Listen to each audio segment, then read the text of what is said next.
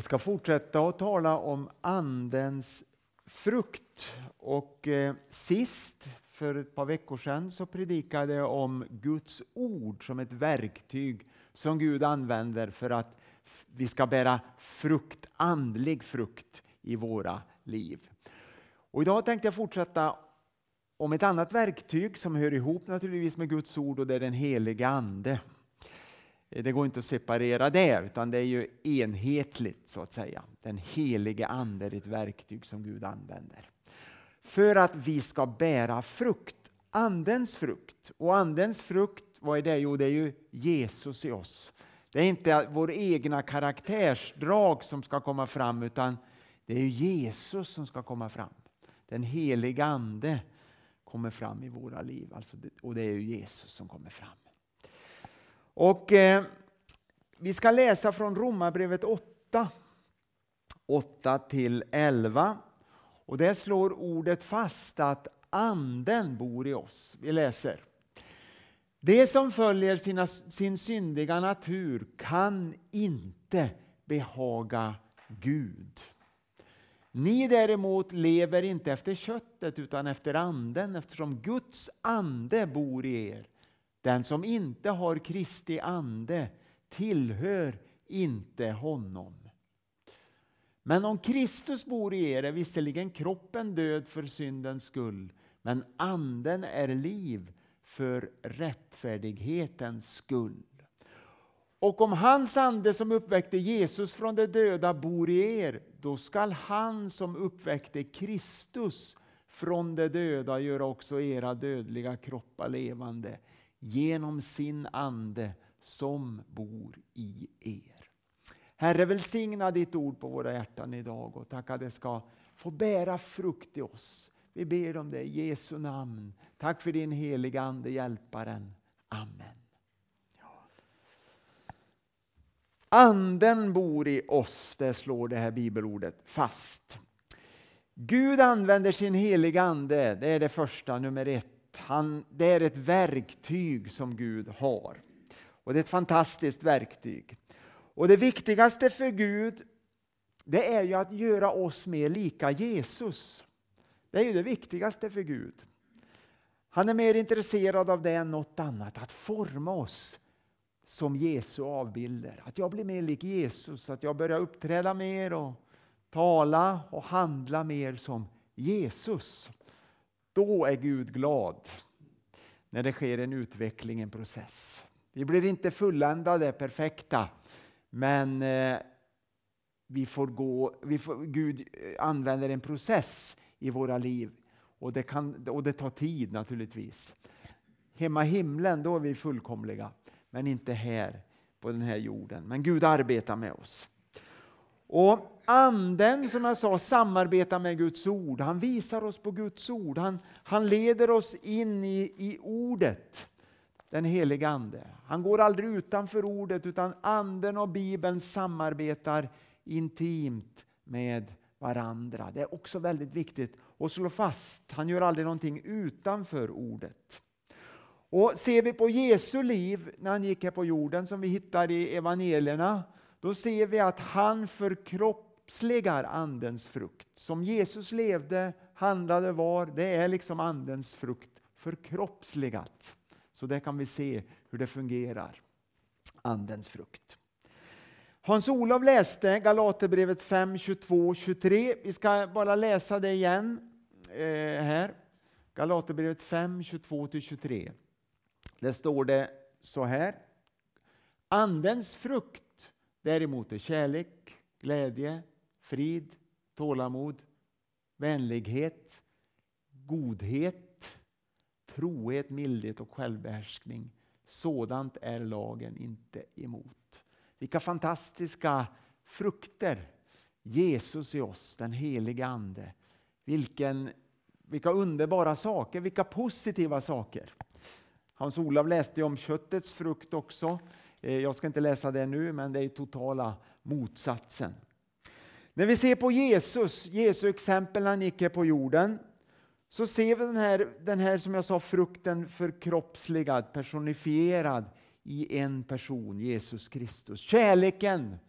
som gav sitt liv till och med för dem som hatade honom.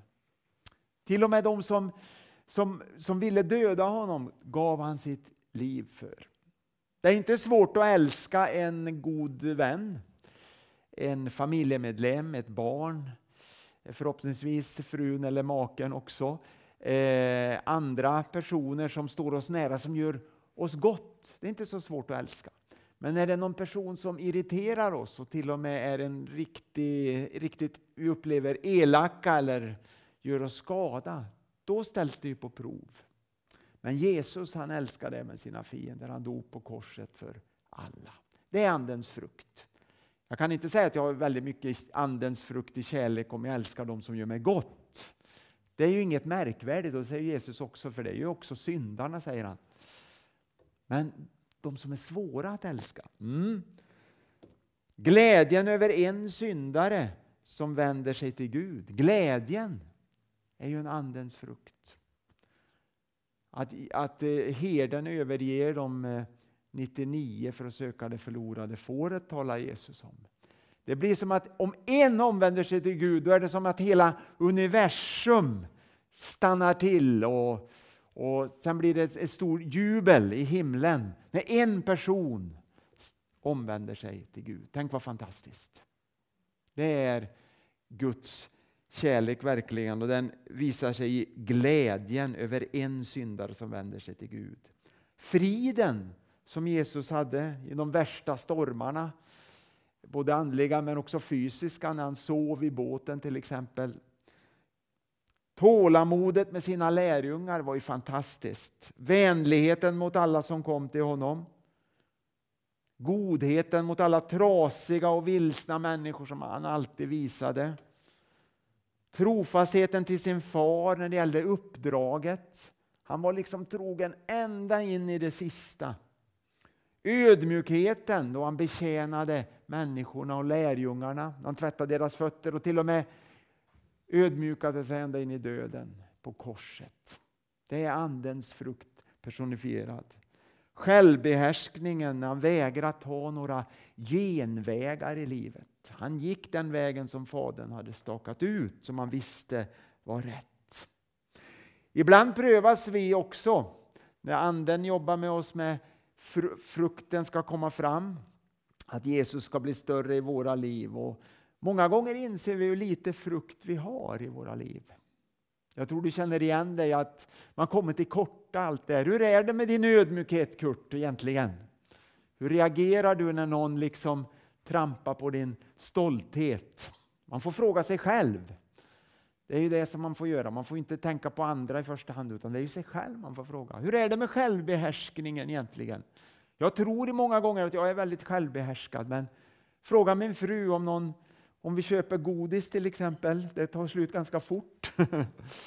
eh, omedelbart. Jag minns när jag var, var, barn och vi växte upp, jag och Yvonne är ju syskon.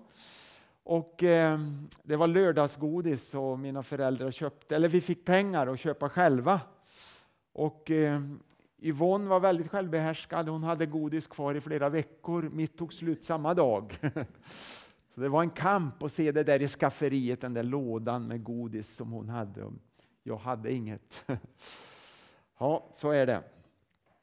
Självbehärskning. Men också om man går lite djupare på det andliga planet så är det viktigt med självbehärskning som en andens frukt. En del av de här eh, som vi kallar frukt, det är ju också eh, till en viss del, men begränsat, som vissa karaktärsdrag som vi har. En del är ju mildare än andra och en del har ju en mer ödmjuk eh, kan man säga, stil än andra och en del är mer eh, disciplinerade och självbehärskade.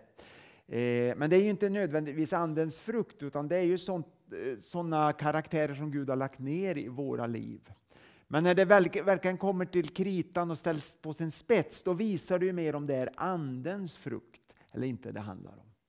Och Andens frukt är någonting som är övernaturligt, det är någonting som inte vi klarar av att producera själva. Det är någonting som Gud gör i våra liv. Nummer två. Mina val i livet, det är att lita på den helige Ande. Det är väldigt viktigt. Johannes 15 talar om Jesus som vinstocken och att vi är grenarna. Och vi läser femte versen där. Det är ett helt sammanhang, men då står det så här att jag är vinstocken, ni är grenarna. Om någon förblir i mig och jag i honom bär han rik frukt. Ty utan mig kan ni ingenting göra. Det handlar alltså om att förbli i Jesus. Då bär vi frukt. Förblir vi inte Jesus, då är det väldigt svårt att bära frukt. Då blir det eget producerat material. Vi behöver den heliga Andes kraft i våra liv. Vi är totalt beroende av vinstocken för att leva som Jesu lärjungar och kunna följa honom. Frukten växer fram inifrån. Det är väldigt viktigt att komma ihåg. Eh, jag kan hänga upp frukt i ett dött träd om jag vill. Jag skulle kunna säga till Vicky, min fru här, att om vi har ett äppelträd, nu har vi inte det, vi har några förtorkade vin, vinbärsbuskar på våran gräsmatta, vi har inte mycket mer frukt. Men om, jag hänger, om, vi, om vi nu skulle ha ett äppelträd och, och jordmånen är ju väldigt dålig där vi bor, det är väldigt lerigt så jag tror inte det skulle bli något bra äppelträd. Men om jag satte ett äppelträd där och eh, så hängde jag upp egna frukter, egna äpplen jag köpte. Och så sa jag till Vicka, titta! Nu bär äppelträdet frukt, vad fint, vad fantastiskt, vad roligt. Hon skulle bara skaka på huvudet och tro att jag inte var riktigt klok. För att det är ju mitt eget verk så att säga, trädet är stendött. Eh, samma sak gör vi många gånger, vi hänger vår egen frukt. Vi, vi liksom eh, eh, Eh, försöker åstadkomma någonting själva. Det är inte en naturlig frukt. Det kommer liksom inte inifrån. Och Det där är väldigt viktigt att komma ihåg. Andens frukt är Andens frukt och den kommer på grund av att vi har kontakt med Jesus Kristus. Vinstocken, saven, det blir något naturligt, det växer, det är liv. Man kan inte producera egen frukt, då är det inte äkta. Bönen det är tecknet på att jag är i Jesus Kristus. Det är det viktigaste tecknet skulle jag vilja påstå. Att alltid leva i bön, att leva i relation med Jesus. Leva i bön. Eh, det är som att man laddar mobilen. Hur ofta laddar du din mobil? Det beror ju på batterierna naturligtvis. Eh, min mobil är ganska ny så jag behöver inte ladda den varje dag. Ja, det skulle vara om jag använde den extremt mycket naturligtvis. Eh, en del av mobilen man behöver ladda kanske ja, ett par gånger per dag. Men man behöver ladda den ofta i alla fall. Men man skulle kunna likna bönen vid att ladda mobilen. Det räcker inte att bara komma på söndagen och ladda mobilen. Inte ens på en bönesamling under veckan utan varje dag behöver vi ladda våra batterier. Varje dag.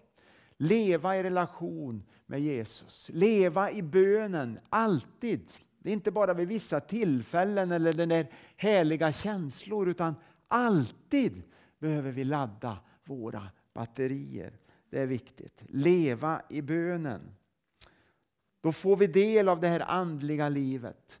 Och då gör också den heliga Ande någonting i våra liv och vi kan, eh, eller Anden kan producera frukt genom dig och mig. Vi har fått kraften till att förändras, kraften till att bära frukt och det är den heliga Ande. Ordet kraft förekommer, vet du många gånger i Nya Testamentet? Någon har räknat ut, det är inte jag som har suttit och räknat. 87 gånger ska det förekomma i Nya Testamentet, ordet kraft. 87 gånger, det är ganska mycket. Och vilken kraft handlar det om? Jo, det är Jesu uppståndelsekraft som det talas om. Wow! Jesu uppståndelsekraft. Det är inte vilken kraft som helst. Ibland känner vi kraft i våra liv och lite i olika situationer och vi blir liksom extra inspirerade. Men det är ju ingenting mot Jesu uppståndelsekraft.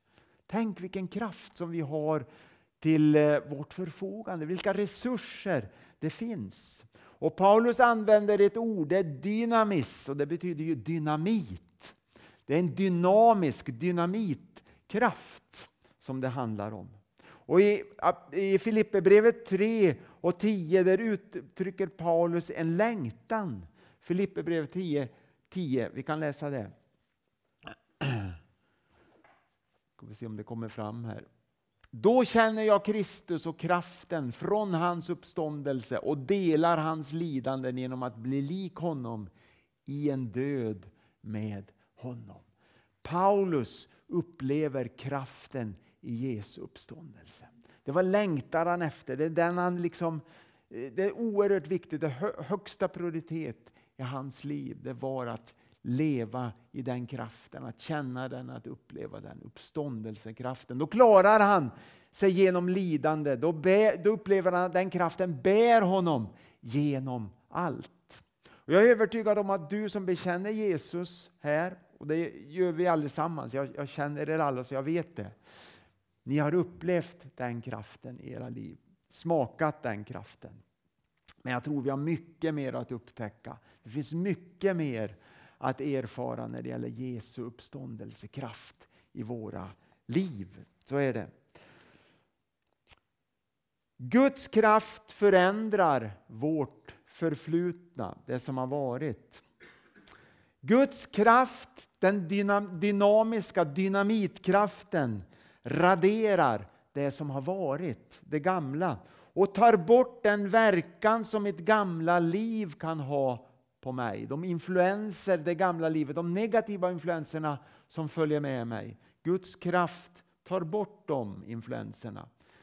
Och när jag upplever det så begränsar inte det förflutna mig längre. Ett bibelord som vi ganska ofta läser är Jeremia 31 och 34. Ett fantastiskt bibelord. Då står det så här. Då skall de inte mer behöva undervisa varandra, ingen sin broder säga, lär känna Herren, Ty alla skall känna mig från den minste bland dem till den störste, säger Herren. Och så kommer det. Ty jag skall förlåta deras missgärningar och deras synder skall jag, vad står det? Ska vi läsa det sista där? Inte mer komma ihåg. Tänk vad fantastiskt! Inte mer komma ihåg. Gud kommer inte längre ihåg våra synder. Tänk vad fantastiskt. Det där har vi lite svårt att ta till oss och tro många gånger. Men det är viktigt att tro det här. När Jesus dog så dog vi också. Vi dog när Jesus dog. Eh, och vi uppstod när Jesus uppstod. Det talar vi om på dopkursen med de här ungdomarna som eh, förbereder sig för dop. Just att, att vad dopet är, att dö med Kristus Jesus och så uppstår man med Jesus. Det är en fantastisk eh, bild egentligen där. Och en verklighet naturligtvis. Eh, det gamla är förbi. Jag tänker på det här med räkningar till exempel. Man tänker inte mer på gamla räkningar. Går du och funderar på förra månadens räkning eller förra, för, för, förra månadens räkning? Du har betalt den alltså. Om du inte har betalt den då kanske du har anledning att tänka. Men jag menar om du har betalt den och det är klart. Går du att fundera på det då? Är det något som bekymrar dig just nu? Nej, det släpper man och man glömmer det. Även om det kanske var en jobbig räkning, väldigt hög elräkning eller vad det nu var, bilverkstan eller någonting. Så känner man ändå att liksom, det kan jag släppa för det är liksom passerat. Man har ingen oro för det. På samma sätt är det här att när Gud har förlåtit, man behöver inte oroa sig mer. Man kan släppa det totalt. Det gamla existerar inte längre. De gamla räkningarna finns inte. Och Det är viktigt för mig att tro det och förhålla mig till att Gud har raderat min synd, alltså utplånat den, inte skylt över den bara. kan man tänka ibland, han, han liksom skylt över den, men det är raderat, det finns inte mer, det kan liksom aldrig komma tillbaks. Eh, anklagelsen kan aldrig komma upp igen, det går inte för den existerar inte längre. Har Gud glömt det, då har han verkligen gjort det. Så förlåtelsen är verklig. Man brukar tala om att det är fiske förbjudet i glömskans hav. Det känner ni till, det brukar vi, vi säga ibland. Samtidigt är det lite frestande att fiska där ibland. Har du känt det också? Ibland att man prövar ett litet kast eller litet med metet där. Eh, jag och Vicky fiskar ibland och vi har varit vid vid viken någon gång. Och det är lite ett märkligt ställe där eh, bortanför eh, Ryholm kan man säga, mellan Ryholm och Beateberg. Det är som en bank där. Ni, ni känner till det, en del av er som har åkt där eller kommer ihåg det.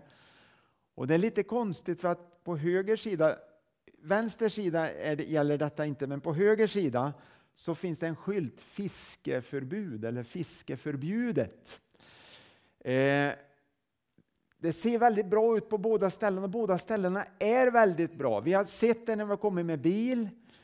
Inga andra har varit där och fiskat förutom två, om de är från Litauen eller Lettland.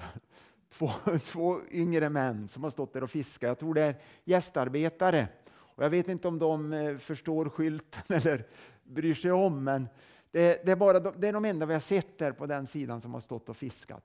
Och, och jag har grunnat, varför är det fiskeförbud just där? Ja, det är några sådana där eh, kassar där ute för, för fiskeplantering. Det kan hända att det är det som det är lite längre bort. Eller också är det olämpligt ställe att stå för trafiken. Det är de enda två orsakerna jag kan komma på. För just den sidan också. Vi stannade där en dag, en bekännelse. Nej, det, det, var inte så, så riktigt, utan vi stannade och ställde oss och fiskade på andra sidan där det var tillåtet och prövade. Och det plaskade en del där och eh, vaka, men vi fick ingenting. Men det var väldigt, väldigt frestande egentligen att gå till andra sidan där det var fiskeförbud, för det plaskade ännu mer. Och det verkar vara stora fiskar, stora gäddor som slog där. Så jag var väldigt frestad att gå dit och i alla fall pröva något kast. Så det här med fiskeförbud, det var intressant. Eller kan det till och med vara att det kan vara någon lite ädelfisk där eftersom det var lite fiskeplantering? Man skulle kanske pröva, men vi gjorde inte det nu. Men eh, så är det. Det är en frestelse. Fiskeförbjudet.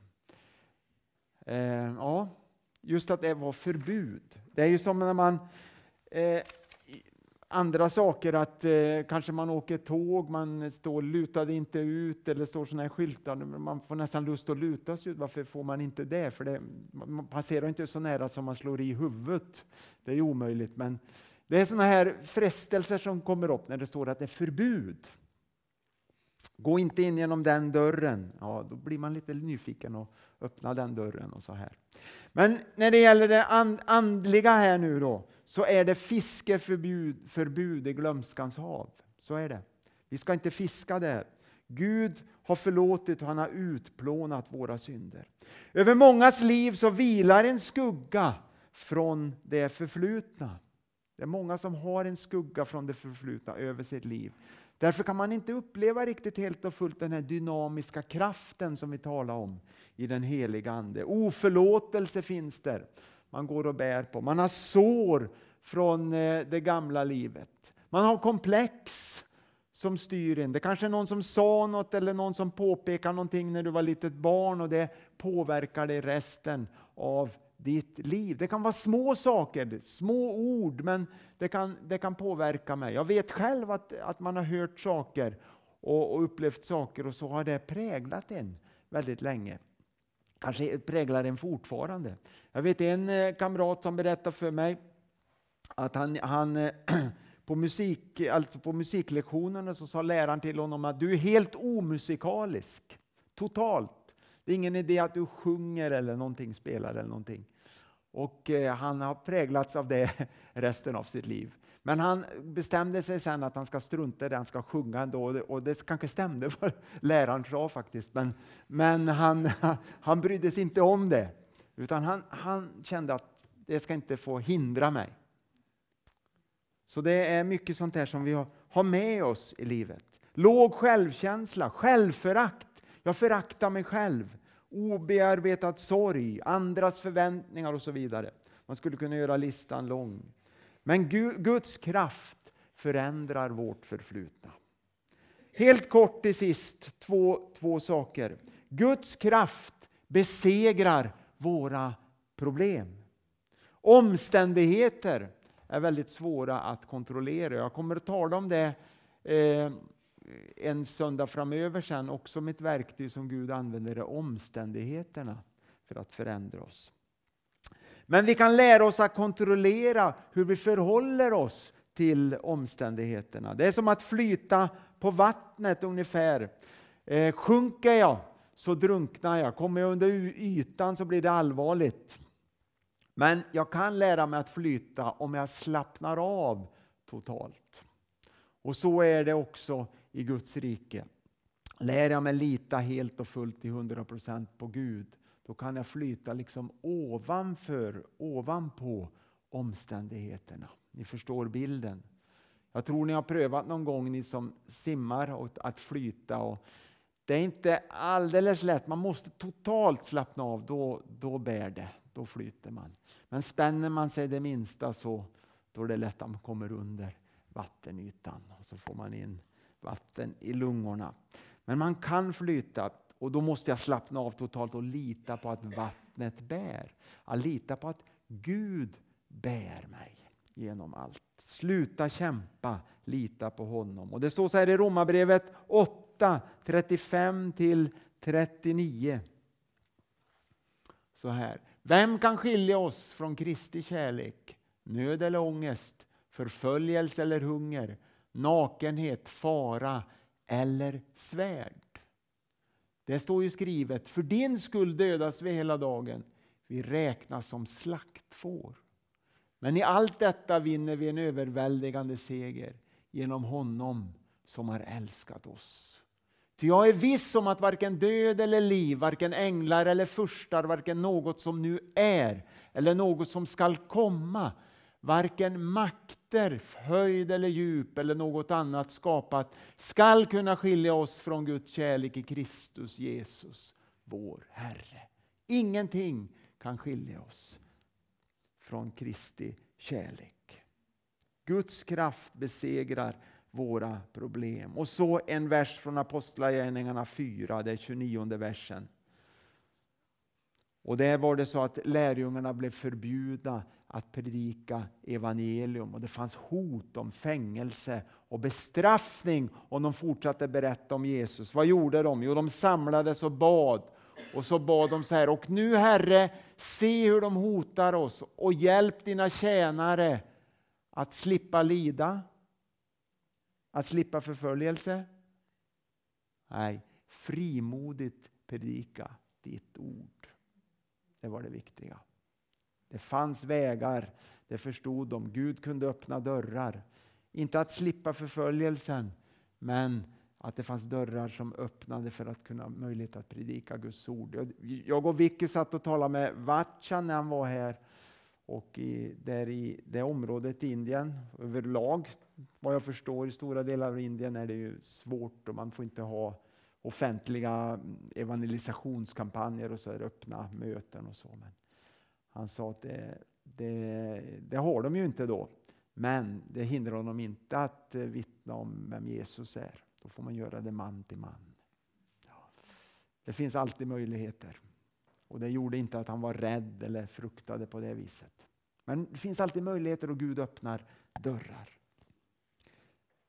Guds kraft hjälper oss att förändras som människor. Andra Korinthierbrevet 5 och 17 så står det så här. Allt som någon är i Kristus är han en ny skapelse. Det gamla är förbi, se något.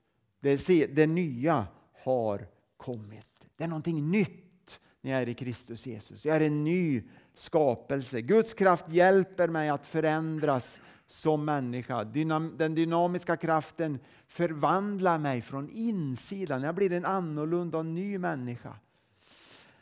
Och man måste ta ett beslut att tillåta den helige Ande få göra det här i mitt liv. Det, annars går det aldrig. Det blir inget om inte jag tillåter honom och inte jag öppnar mig för honom. Många skjuter upp det här beslutet. En del säger att jag siktar på att, på att förändras. Men man kan fråga, fråga sig då, när ska du skjuta? Det hjälper inte bara att sikta. Man måste trycka av också och börja någon gång. Det är väldigt viktigt.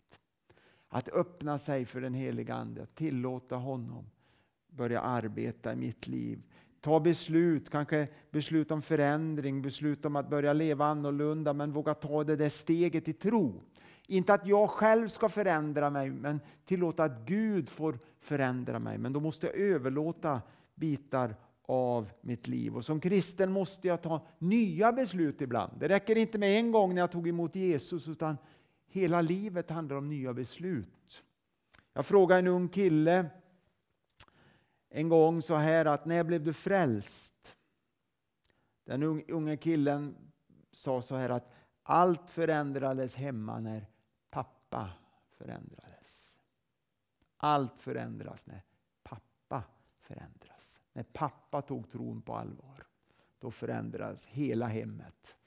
Och även vi som barn blev förändrade. Det är starkt. Det har betydelse när jag tar Gud på allvar. Det får konsekvenser också, inte bara för mig själv utan för andra människor.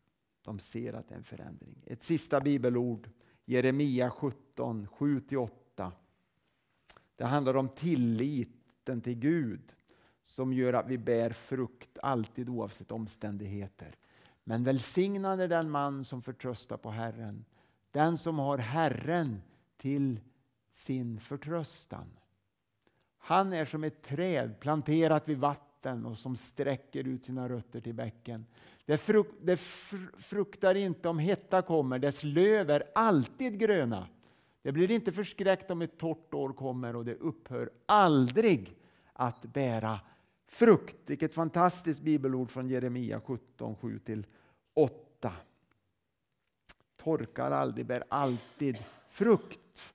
Det är du och jag när vi lever nära Jesus Kristus, när vi lever i relation till honom, då kommer vi bära andlig frukt, alltid. Det tar tid. Andens frukt är en livslång process. Men det viktiga är att processen är igång. Gud vill att vi ska bära frukt, andlig frukt. Det är Jesus i oss som kommer fram och jag blir mindre och Jesus blir större i mitt liv. Det är Andens frukt. Amen. Tack Jesus för ditt ord som jag får läsa idag och tack att du ska vara med nu när vi går in i nattvardsfirandet Herre. Att vi ska få fira din måltid och påminna oss om vad du har gjort på korset på Golgata. Vi prisar dig för det. I Jesu namn. Amen. Halleluja Jesus Kristus.